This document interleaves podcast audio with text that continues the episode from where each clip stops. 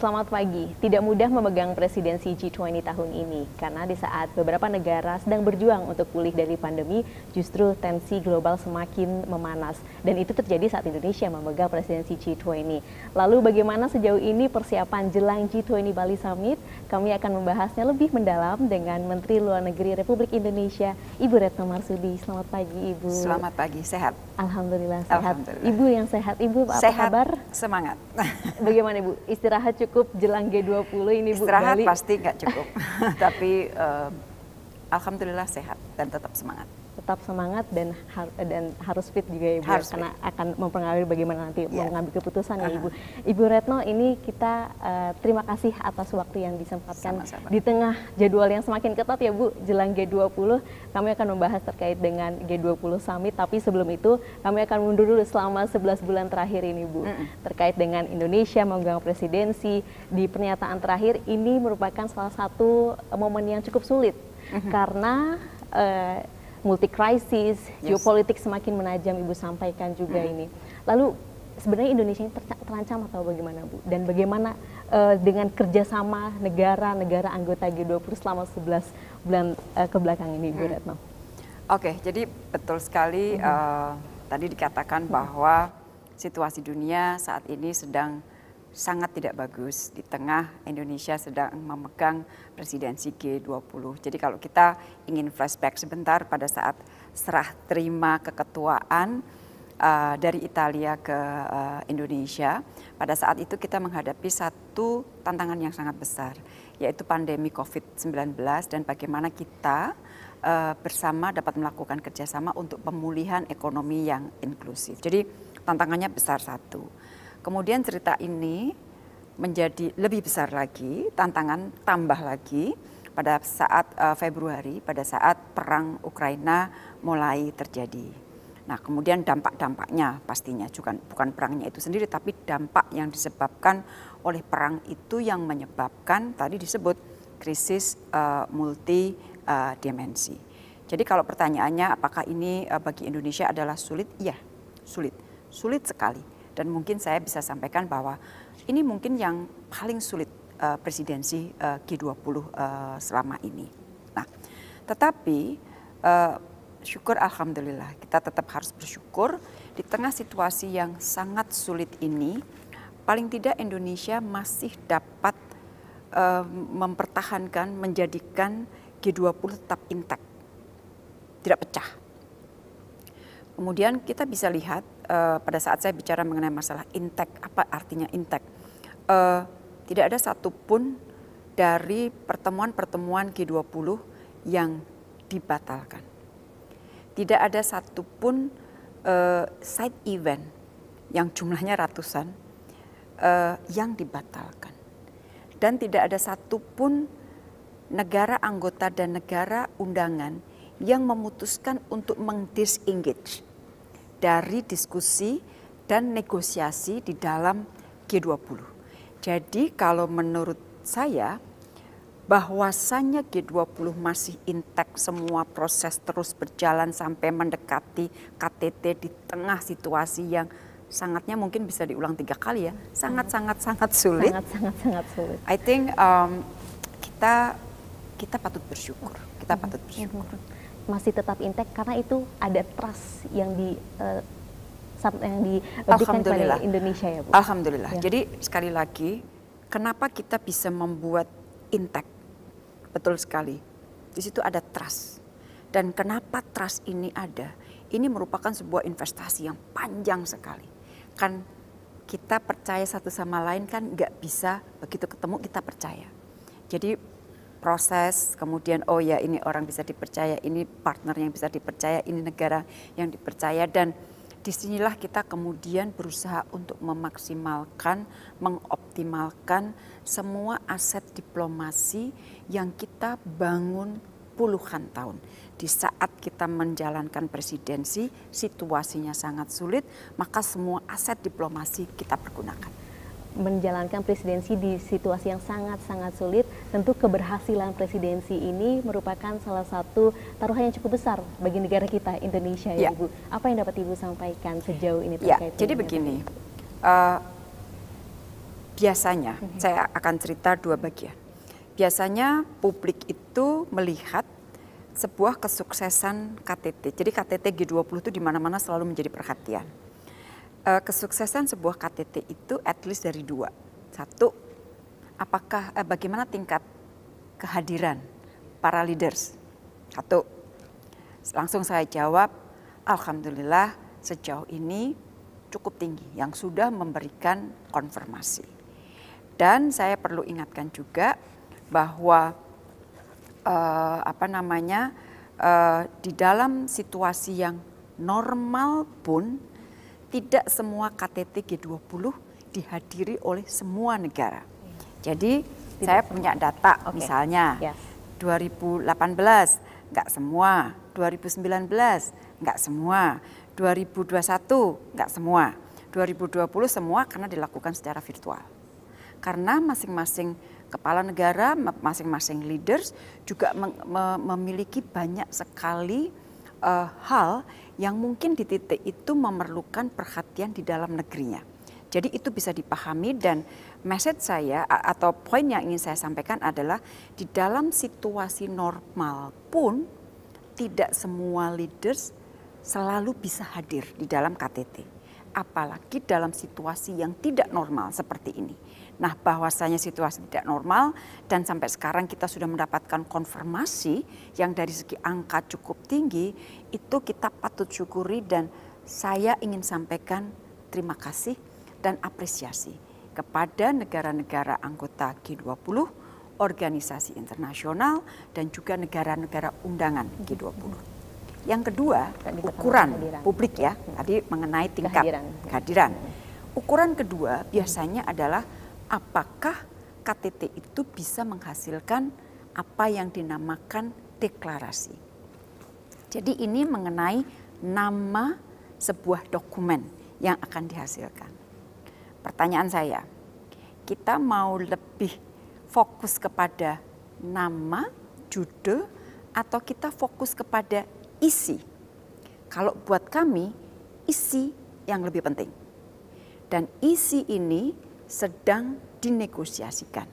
Pada saat saya bicara ini, uh, negosiasi sedang terjadi, uh, intersesional, masih ada satu negosiasi lagi yang akan dimulai pada 10 uh, November dan kita sekali lagi fokus kepada isi. Nah, itu dua ukurannya. Di presidensi Indonesia, kita ini berjalan extra mile. Kenapa extra mile?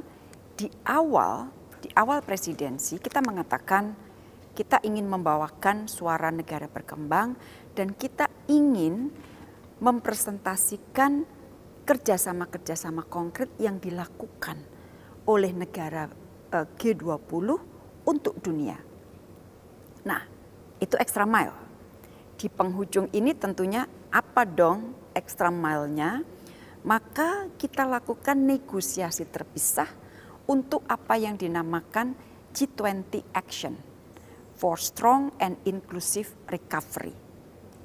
Isinya apa? Isinya adalah list proyek yang kita sebut concrete deliverables yang kita sajikan untuk dunia. Nah, di list uh, proyek ini ada yang sifatnya new projects, ada yang sifatnya dukungan untuk existing project, ada yang sifatnya extension dari existing project. Ada yang berbentuk hibah, ada yang berbentuk capacity building, ada yang berbentuk research development, ada yang investasi. Dan ini untuk pertama kalinya di dalam G20 kita berpikir mengenai concrete deliverables. Jadi bukan saja katakanlah yang biasa dua itu yang menjadi ukuran, bahkan Indonesia sudah berjalan extra mile.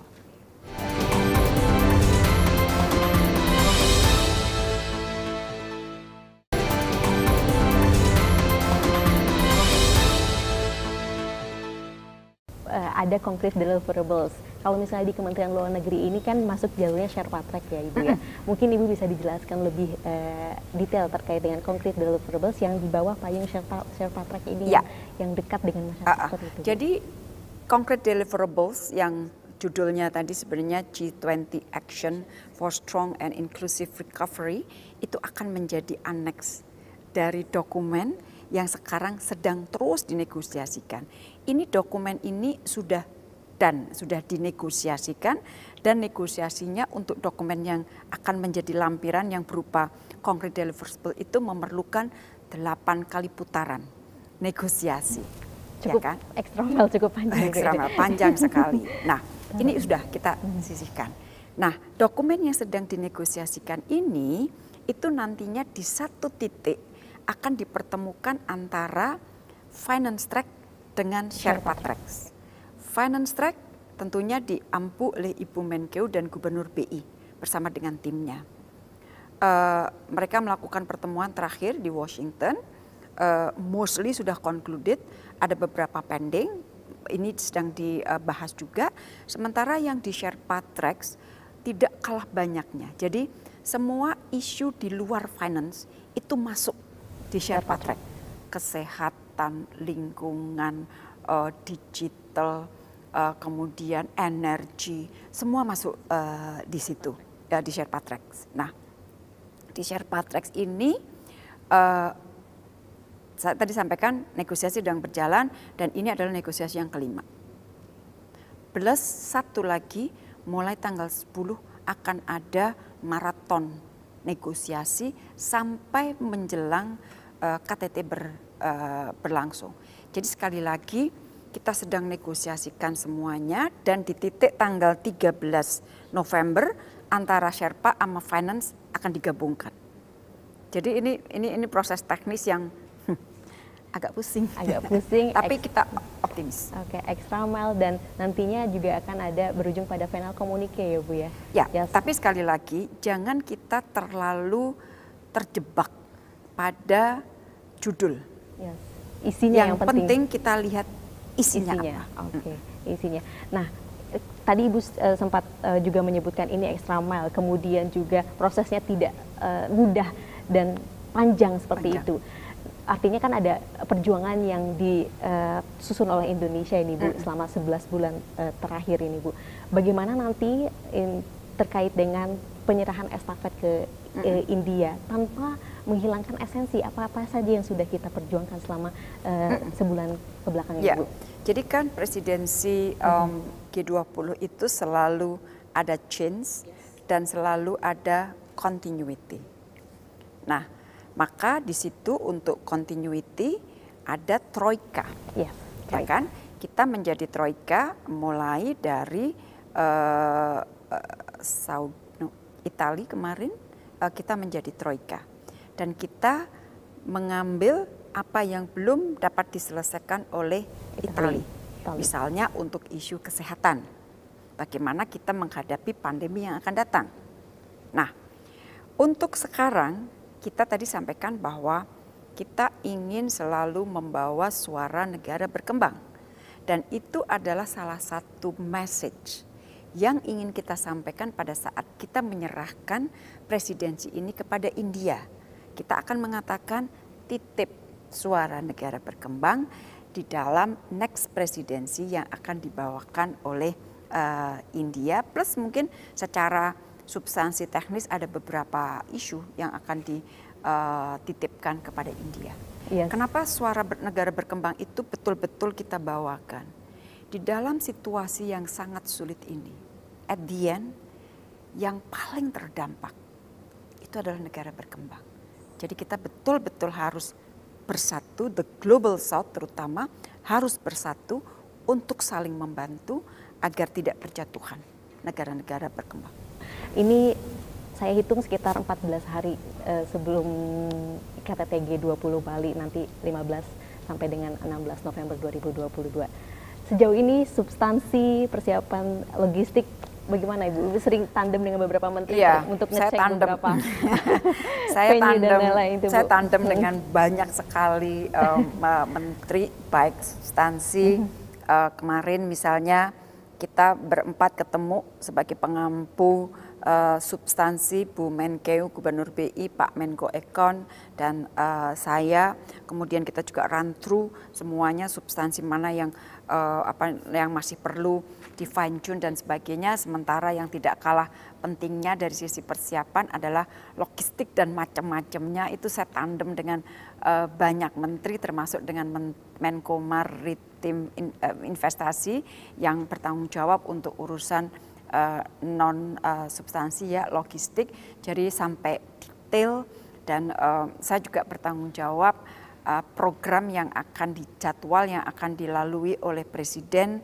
jadi dalam beberapa hari kemarin saya duduk dengan Bapak Presiden untuk run through lagi program-program yes. Bapak akan seperti apa. Mm-hmm. Presiden memberikan memberikan apa namanya arahan karena dari satu program itu uh, detailnya banyak, cabang-cabangnya ke bawah uh, banyak. Jadi memang uh, sudah beberapa uh, waktu ini kita duduk tidak membahas mengenai hal-hal yang hanya apa superficial ya yang yang hanya di permukaan tapi kita semuanya duduk sudah detail semua. In scale in percentage kira-kira berapa persen Bu untuk persiapan semua? Saya kira uh, untuk logistik udah udah mungkin lebih dari 95 persen ya tinggal tinggal apa namanya uh, final touch saya kira ya uh, saya kira sudah tinggal final final touch sementara yang substansi yang saya sebutkan tadi kita masuk ke uh, putaran kelima negosiasi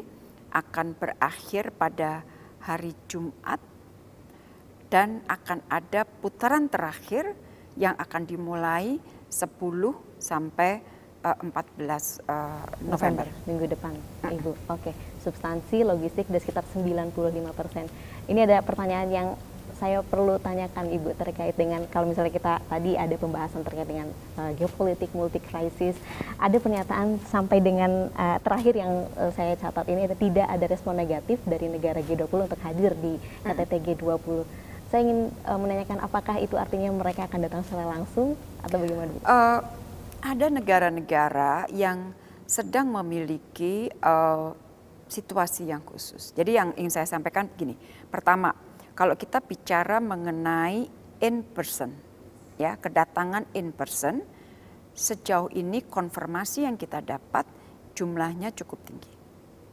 Kemudian kedua, ada negara-negara yang sedang menghadapi situasi yang sangat khusus, yang mereka sedang berdiskusi dengan kita bagaimana tetap ber, ber, apa, berpartisipasi. Uh, ini sangat teknis, tetapi intinya mereka tetap ingin berpartisipasi. Misalnya mengenai Brazil, Brazil baru selesai uh, pemilu Election, putaran ya. kedua mm -hmm. dan sebagainya mereka sedang dalam uh, posisi transisi pemerintahan dan sebagainya. Tetapi mereka tidak menghilangkan komitmen mereka sebagai negara untuk hadir. Nah ini kita bahas. Jadi uh, saya cukup optimis. Ada beberapa pengaturan khusus pasti Presiden Zelensky misalnya diundang, tapi kita tahu kondisi negaranya sedang seperti itu yang mungkin tidak mem, tidak memungkinkan beliau untuk hadir in person. Maka kita carikan jalan agar beliau tetap berpartisipasi, tapi dengan cara apa? Mungkin dengan cara virtual. Jadi ada beberapa kondisi yang khusus yang memang kita harus carikan jalan supaya tetap partisipasinya tetap penuh. Kalau angka yang tadi Rusia dan Amerika termasuk tidak bu? Uh, saya tidak mau menyebut uh, maksudnya kita yang dapat saya sampaikan adalah konfirmasi yang konfirmasi kita okay. dan itu masih tinggi. terus berjalan masih terus nah, ya. jadi setiap hari uh, kita masih terus uh, berkomunikasi tapi sekali lagi konfirmasi yang kita peroleh per hari ini per detik ini cukup tinggi termasuk yang saya sampaikan uh, konfirmasi yang paling terakhir itu adalah dari UK dan dari Italia karena mereka kan pemerintahnya yang baru, baru. Yeah. yang baru pun toh mereka sudah dapat memberikan konfirmasi. Oke, okay, gitu. jadi kalau saya satu kata alhamdulillah. Alhamdulillah. That's, and that's good news bu. Dan That untuk is a good yeah. news, tetapi sekali lagi ya, makanya saya selalu mengatakan kalau dalam statement saya, saya selalu mengatakan per detik ini, ya kan per detik ini. Apa artinya? dinamika ini dinamika terjadi terus. terus. Yes. Perubahan kemungkinan akan terjadi. Jadi tidak salah apa yang saya sampaikan itu selalu harus ada kata per detik ini.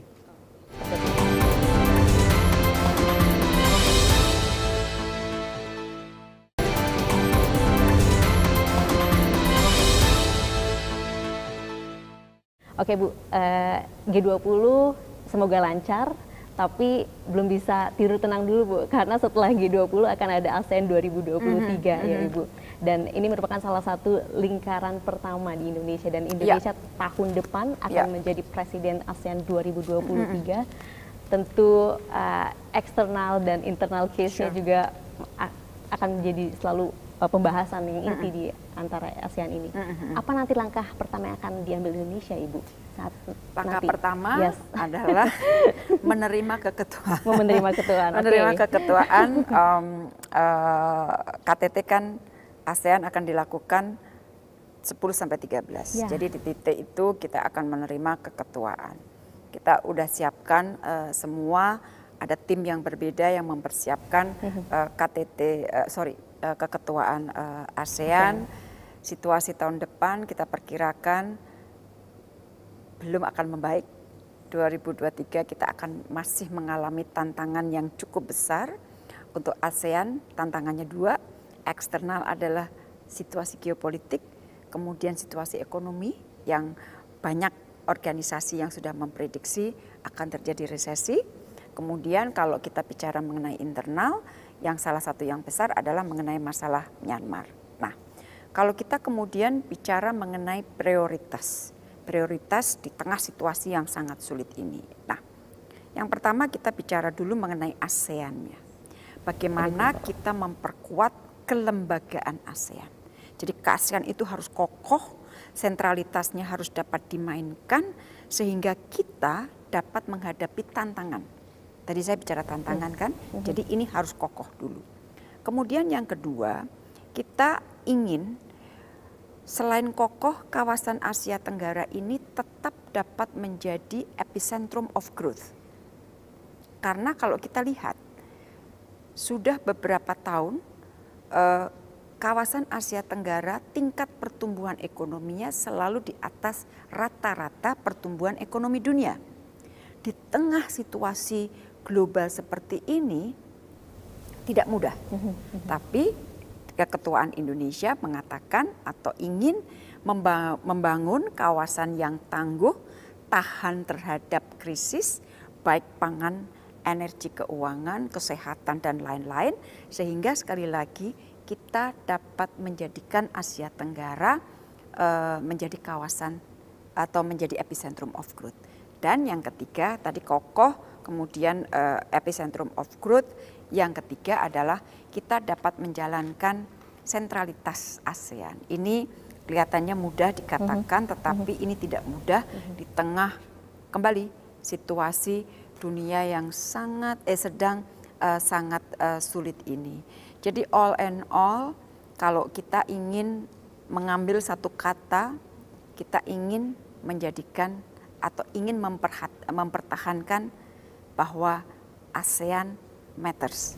ASEAN matters. Matters, matters ya. dalam hak dalam kaitan bahwa ASEAN tetap penting dan relevan baik bagi penduduk ASEAN, rakyat ASEAN maupun bagi dunia. Ya, oke, okay. itu ini global scale dan itu uh, mm eksternal.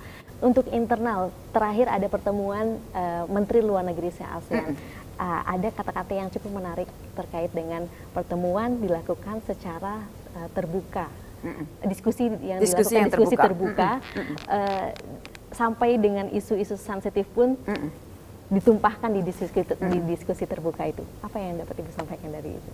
Dari uh, untuk five point consensus di uh, masa lebih spesifiknya. lalu, di masa lalu, uh, jadi saya uh, ingin sampaikan bahwa ASEAN ini adalah satu keluarga. Di masa lalu, kadang-kadang kalau ada masalah pengelolaannya itu uh, udahlah jangan diomongin dulu deh. Masukin di bawah karpet. Tetapi nanti dulu di, deh gitu. Uh, uh, dimasukin di dalam karpet uh -huh. itu khawatirnya membusuk. Dan kalau udah membusuk justru dampaknya akan lebih besar lagi. Nah, oleh karena itu dari waktu ke waktu kita dapat sudah dapat mendiskusikan sesuatu yang sifatnya sensitif, mhm. terbuka, mhm. karena kita tahu bahwa ini adalah diskusi antara keluarga dan antara keluarga itu terbangun trust yang tinggi. Jadi kan gini, kita tidak mungkin bicara isu sensitif ter, uh, secara yeah. terbuka kalau kita tidak ada trust. Yeah. Mm-hmm. Jadi yang harus dilihat itu adalah trust, trust itu lagi. ada, trust itu kuat dan di situlah kita bilang, mari kita bicara uh, isu yang sensitif, yang kita yakin sesensitif apa pun, seterbuka apa pun kita bicara tidak akan menggoyahkan kekokohan ikatan keluarga ASEAN.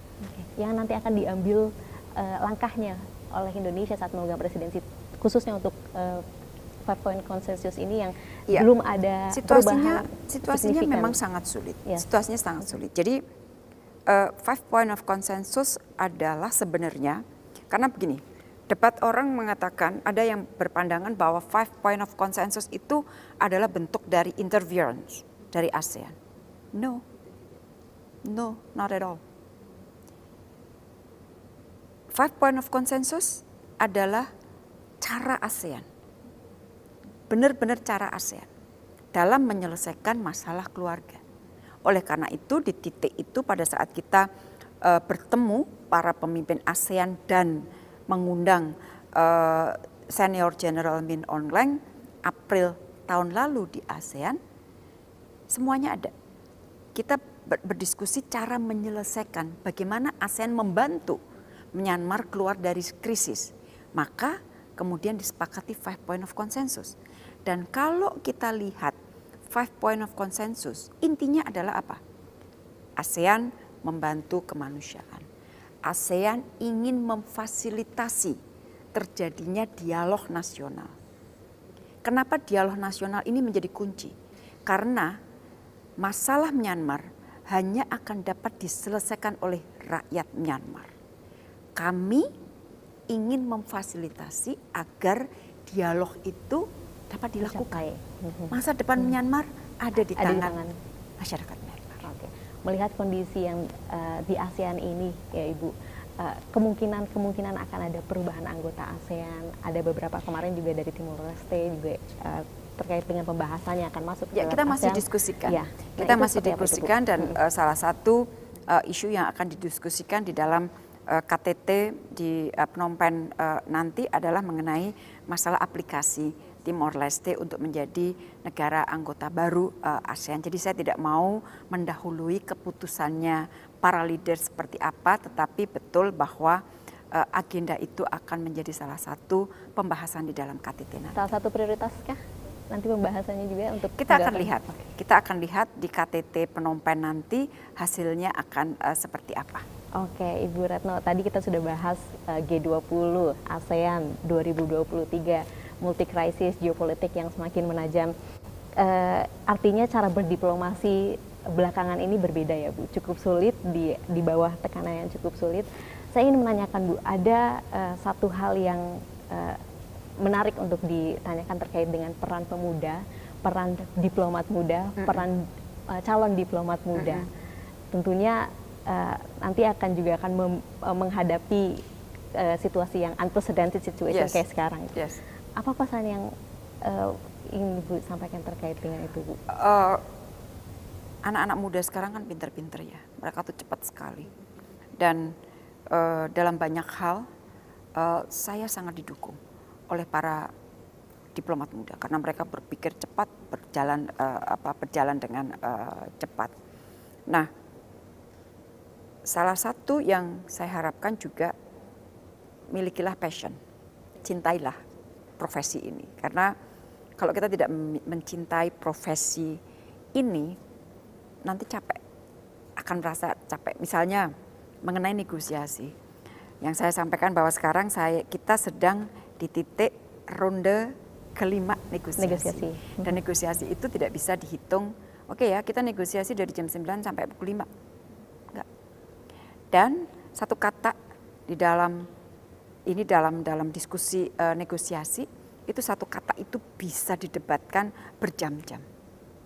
Tapi ya itulah itulah dunia negosiasi itu memang seperti itu. Jadi kalau tidak ada passion, maka akhirnya aduh capek ya gitu kan. Tapi kalau ada passion, we will like it, we will like it. Nah uh, itu satu passion. Yang kedua yang saya harapkan dari uh, generasi muda, diplomat muda dan juga para calon diplomat banggalah menjadi Indonesia. Banggalah menjadi banggalah menjadi Indonesia and Indonesia. do our best for okay. Indonesia. Kita masih perlu banyak hal yang harus kita berikan kepada Indonesia dan generasi muda ini adalah harapan. Generasi saya sebentar lagi akan menyingkir, so Indonesia akan berada di tangan generasi muda. Passion dan juga bangga harus menjadi Indonesia, Ibu. Yeah bahkan di G20 ada Youth 20 ya Bu. Ya. Itu ada perkumpulan anak-anak muda yang nantinya akan uh, menjadi penerus dan pesan ya. Ibu tadi ini pasti akan menjadi uh-huh. apa ya diingat-ingat nih sama uh, generasi uh-huh. muda. Tidak hanya diplomat saja tapi generasi muda secara keseluruhan. Ya. Yang penting uh, passion dan bangga ya, dan, mereka, dan harus dari hati gitu dari ya, hati dan mereka kan mm. akan menjadi agen perubahan ya, ya oleh ya. karena itu ya mereka berpikir secara inovatif dan kalau bicara dalam konteks Indonesia uh, mereka harus menjadi agen perubahan dan sebagai apa ya uh, uh, harus preserve nilai-nilai Indonesia mengenai masalah toleransi, kemajemukan, kita semuanya berbeda ya. Jadi dari awal kita sudah harus tahu bahwa kita ini berbeda ya. Satu-satunya cara untuk tetap menyatukan Indonesia ya kita ber toleransi. Ibu Retno Marsudi, terima kasih banyak atas terima kasih. waktunya. Uh, semoga nantiasa sehat dan lancar sampai dengan G20 Bali Summit. Tinggal menghitung hari, ini hajatan besar tidak hanya untuk uh, uh, negara G20 saja yang akan melihat Indonesia, tapi seluruh dunia. Terima kasih. Terima kasih, mohon yes. doanya. Terima kasih banyak. Terima kasih. Ya, semoga uh, lancar ya Ibu. Terima kasih. Berikut wawancara kami dengan Menteri Luar Negeri Republik Indonesia, Retno Marsudi. Terima kasih. Sampai jumpa.